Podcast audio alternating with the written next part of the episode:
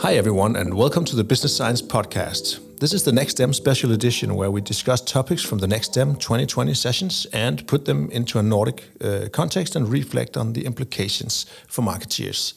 Today we have Brian Akers, uh, the CCO of uh, GroupM, to reflect on the Next NextM panel that was themed Will Tech Save Our Future? It's great to have you here, Brian. Thanks. Well, glad to be here. Brian, you drive the tech agenda and the digital transformation strategies for some of our key clients. And then you're probably one of the most forward looking and definitely gadget consuming people that I know. So, who better to uh, invite to discuss the future of tech? I'm really glad to have you here. We'll be inspired, uh, or we'll be talking inspired by the next NextM session that's called Will Tech Save Our Future?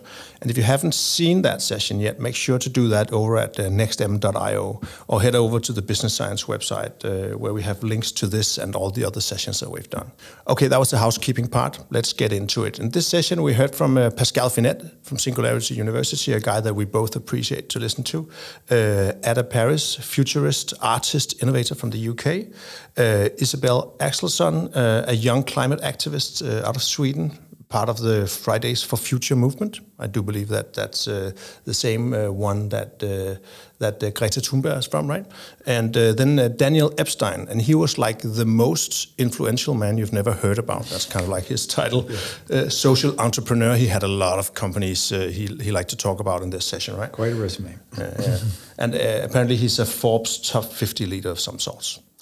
And I think that maybe having an activist on the panel kind of gave away how the theme would skew for, for, for the debate, debate that we saw. So it's a lot about activism uh, and a lot about how we, how we save the world, basically. Uh, but there was a lot of techie stuff in there. So let's just drive, uh, dive right in, into it. And then let me ask you, Brian. So what did you learn today? I think it was an interesting discussion, a little different than I thought it was going to be.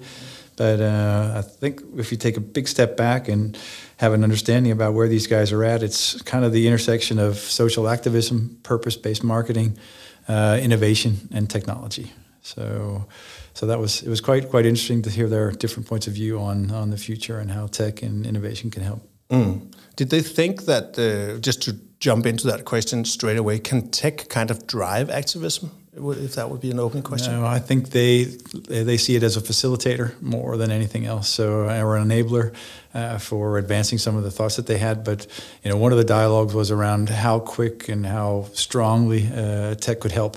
Uh, with some of these types of things, and I think we'll come back to that and discuss it a bit uh, later in the conversation. But yeah, okay. Uh, I think that what I was going for right now was to uh, to get into this kind of differentiating. I think it, it was uh, Pascal Finette who said this uh, this differentiation between uh, now next uh, beyond exactly, yeah, right? exactly right. So he was he was looking at the the difference between or the point of technologies being emerging technologies. Yes. And I think that that could cover people like you and me as well, right? Yeah. So this new thing can do this new thing. So we like, uh, so we would like to discuss that, but it can't fix the now. Yeah. And I think that a big element of uh, this session was about the urgency, right? Yeah. So we've been, we talk climate change.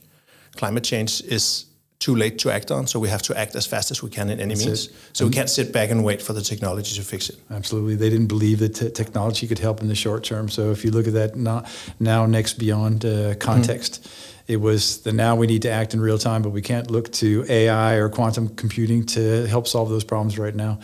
So there was a lot of dialogue back and forth about from from all of them there around short term, long term. What do we need to do, and a pragmatism about how we can how we can drive some of these uh, technology innovation things. Yeah, so, and I also think that when we discussed how we should take this into a context uh, of uh, should we call it of, of our own home turf, uh, then we had the, to cross reference this to Mark Ritson point.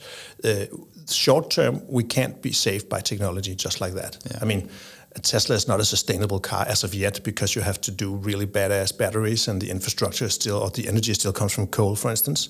But you're driving some long-term transformations of yeah. the world, right? Yeah. Yeah. Um, if we look at uh, this kind of like, then what in terms of uh, the short term? Could you then put into words what you think that the, the changing should we call it the, the change in use of technology in short term we've we just uh, this conference takes place in the middle of an election, uh, but I think that uh, we've been discussing a lot the influence of technologies on elections and on public opinions. Uh, what and we're being regulated. Where are we going with managing and navigating technology in a regulated society. Yeah, I think that's one of the key things that comes up. We have all the legislations that's coming out from California, from Europe, GDPR. So, you know, the question is, is technology is moving so quickly that we can't necessarily get on top of it to to and control it. You know, we had you have guys like Bill Gates and Elon Elon Musk talking about the future of technology and how we need to be really critical about what we do because we can go places that are dark but simultaneously we need to from a business perspective be pragmatic you know? So if we have laws and legislations that come in uh, and change things in the short term we need to think about how we're going to manage those. So it really comes down to regulation versus governance i think you know? And so ideally i think in a in an educated uh, society with everyone kind of eyes wide open looking at it i think a governance model might work best is where we agencies and clients and technology companies work together to figure out solutions as opposed to having the government come in and, and regulate the way that our behavior works right so you can think about that from a data perspective too uh, yeah and you can also say that i think that the word reactive and regulation kind of like starts with the same uh, lettering and sound because that's what it is. They regulate stuff that has appeared. So yeah. controlling the big, the big ones uh, is something you do on the back on the back the end. Backside, yeah. yeah. yeah, So when it comes to rushing forward, I think that it was uh, Adam Parris who said this. We we we've got to stop rushing forward with new technology. Yeah. Uh, because it, it's not necessarily the right way to go. And I think you pointed out uh, that uh, this kind of these guys warning us. Yeah, Elon Musk and Bill Gates yeah, warning about the, you know, the risks that are involved with AI and advanced computing. You know what I mean? At some mm. point in time, you know, and we've all seen probably the Terminator. It can become alive and and start making decisions that we can't possibly keep up with because they they, they think much faster than we do you know, so it's that fine line of how we navigate that that incredibly complex uh, situation. Mm. Uh, uh, asking a question in, in, on that from a marketing perspective, if you say that kind of like regulation is a reactive thing from the from the public governance uh, perspective, and then you have to govern yourself in terms of being responsible, and we talked a lot about, or you and I have been discussing. So, what is the responsible use of tech, right? If I am a marketeer and we are in a conference talking about long and long and sh- long term, short term balancing. What do I give up is if I govern myself? Let's say that I'm uh, considering not using TikTok because it's Chinese. What do I know? Uh, I'm losing something, right? So from a performance perspective, I'll be giving up on something. Uh, yeah. And I think that's where pragmatism has to come in. It's because if you think about it, we're all running businesses or you're all running businesses. And so the idea is, is in the short term, if we make radical decisions, it could impact our, our business. And so I think we need to have that, as you said, long term and short term view, where sh- short term, it could be a, a, pragmatic approach to trying to work within the constraints that are, you know, put on us. But at the, in, from a from a long term perspective, there we can look to some of the things that we heard on uh, heard in the, in the broadcast today around, you know, how do we think about data? How do we think about GDPR and data regulations? How do we manage that so that we don't necessarily have to regulate, regulate but we self-regulate and create a, sense, uh, a series of, of rules and governance around the way we, we work with that. So yeah, I think it's a you know short-term, long-term uh, approach that we need to think about. Mm. I also think that to, to build on that point, that you have this uh, ambition. There's a lot of corporate social responsibility, and this was a kind of like an activist theme today, right? Yeah. Uh, but corporate social responsibility, they touched upon the wording of greenwashing and so. Yeah. And uh, people like you and I would be discussing data ethics, maybe. So, do you want to? How do you manage your own data? And the two sides to that, walking that gray area of activating your knowledge as a marketeer, uh, which would be do I have a full transparent uh, consent from a user to, to use their data for targeting them? And we've been talking for years about how incredibly annoying it is to be pursued around the internet by some stupid retargeting ad. Uh, whereas we would like to uh, train Netflix so our recommendations become even better. Yeah. So uh, yeah, I think we're all becoming conscious of our data trail and in, in, our interaction with data, and so we're we're open for brands that add value to our lives and give us content that that means something to us and you know it's always a fine line of walking the balance between that. But but i think you know that's what we want to do uh, as advertisers is to create some something that where we can engage with consumers and they say we want you to come into our lives. Please help us with this or show us what we can do or open our minds to the opportunities in a you know a, spe- a specific area. Like i do a lot of outdoor activities you know around what i can do what's the new technology what are the new uh, advances in equipment that you could use right? So yeah. Yeah, yeah, you, you're kind of uh, you're kind of a measured self, aren't you, Brian? yep. so I think you know, I'm, I'm, i think we're both open to. We understand that when we click on something or give access to our emails or our Facebook uh, accounts, that that we're sharing information with people that we want to do that with. All the groups that we're part of, you know, in Facebook, they're collecting that information. You know. Uh, I think it's a it's a powerful tool, but it's a double edged uh, weapon in some ways. And so advertisers and technology companies need to not take advantage of it. Uh, yeah, yeah, or at least be transparent about what advances they're ta- yeah. taking, and then giving you that kind of trade. Yeah. And that gets back to that clean room idea. I think uh, we talked about a little bit uh, earlier this morning, and that is, you know, a space where we, as a as advertiser, you know, user uh, and tech company can work together uh, to share information in real time, where everybody's eyes wide open about it, right, and mm. and engaging in it, and and understanding that there are limits to the way that they'll use it, uh, but we're opting into it because we know that they'll create some value for our lives. So. Okay, could you just uh, double click on that for a second? Because I'm guessing that there's at least one listener and myself who's thinking, what is a clean room? Yeah, a clean room is a place, I guess, where you can share data uh, mm-hmm. so that uh, we actually are like consciously putting our data into this space and realizing that it's going to be used in a certain way by the other partners that are in there. Uh, it could be, you know, health data. You know, we all have Apple watches and Garmin watches and are tracking our sleep patterns, our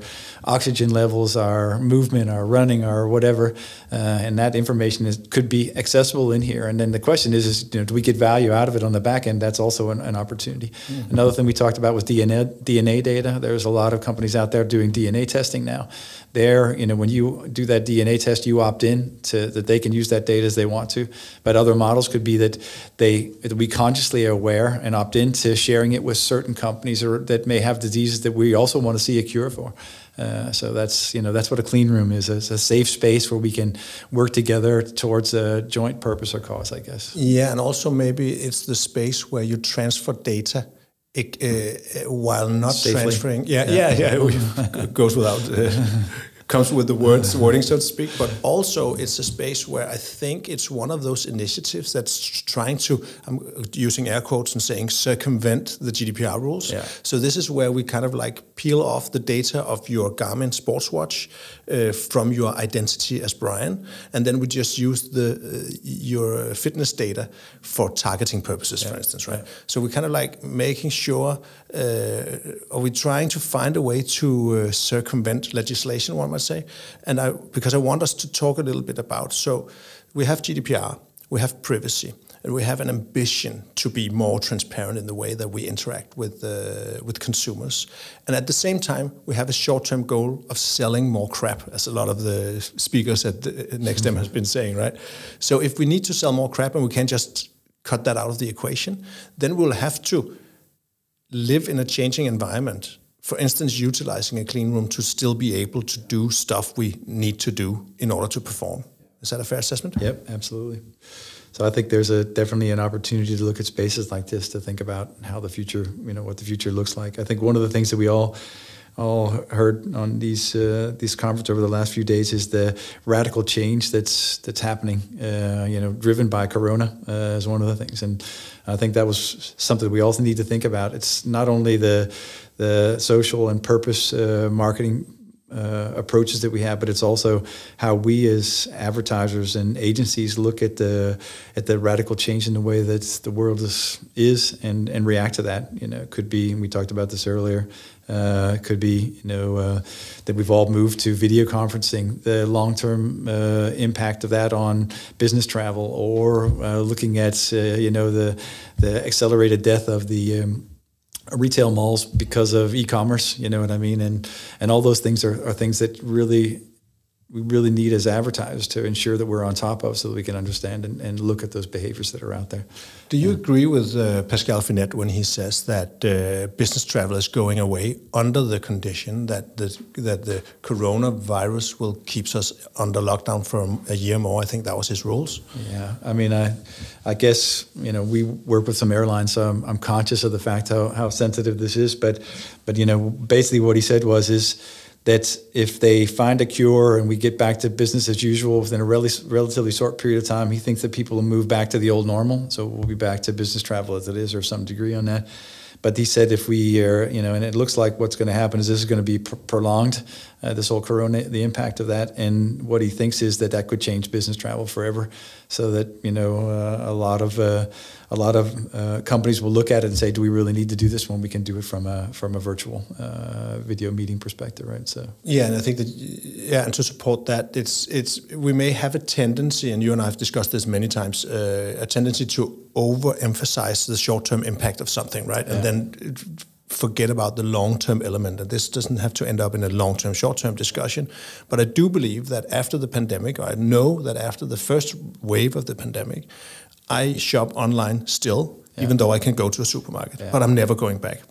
So I, I believe, and I've it's been changed your behavior. I've been yeah, exactly, and I believe that it's uh, to some extent, I will claim uh, very rarely uh, on the backside of a napkin calculation that it will move a market maybe 20% in a very short period of time. And I think that uh, both, uh, uh, actually all the panelists today, they said that what we have with a, with a crisis like this is that we have an acceleration of yeah. maybe 10, 15 years. Yeah, innovation is mm-hmm. on the back end of a crisis is accelerated, right? So, yeah. so I think we're definitely seeing that, right? So what the impact of that will be, don't know, but but I think we're living it and, and seeing it. My my ecom has increased by I don't know. I actually you know because we haven't going anywhere, so I'm just like buying stuff and sending it back if it doesn't fit, right? So, which is painful, but but. Uh, and also, you come from a fairly high amount of e-commerce, I think, and then you just don't. Okay, cool. I think that that makes uh, makes a lot of sense to, to, to stick to this point for just one second, and then consider about what is changing behavior uh, in another session. And I just forget which one of this next time, but uh, we talked about it moves consumer expectation. So yeah. one thing is it accelerates stuff. We buy more stuff online, but there's also a new experience of living through uh, through the digital channels. Uh, we've been discussing how uh, products evolve in a different way let's say Microsoft Teams, which I'm guessing that a lot of the listeners will have gotten more acquainted to during this pandemic, it's kind of like evolved as a product way more rapidly than the old releases of the uh, of, uh, of Windows or the Office package that came out every I don't know three or four years, something like that. Uh, so so. I th- and I think the driver here is about convenience, removing friction, the Amazon one-click thing, whatever. Uh, so I, I have a new expectation that a brand has to meet, and they should be able to meet that through technology. And we've come come back to actually it's a, it's a 15 year cycle of talking consumer journey, then actually losing it in the marketing uh, conversation because we were pursuing connecting pipes and uh, building technology and stuff like that. And now we're kind of like reached a level of maturity where people like you and me we discuss. So how do we drive consumer experience through the capabilities that technology facilitate?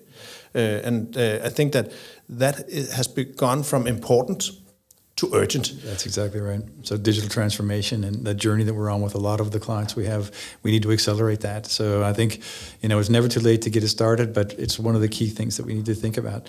You know, in crisis like this with Corona, as we just talked about, has accelerated that.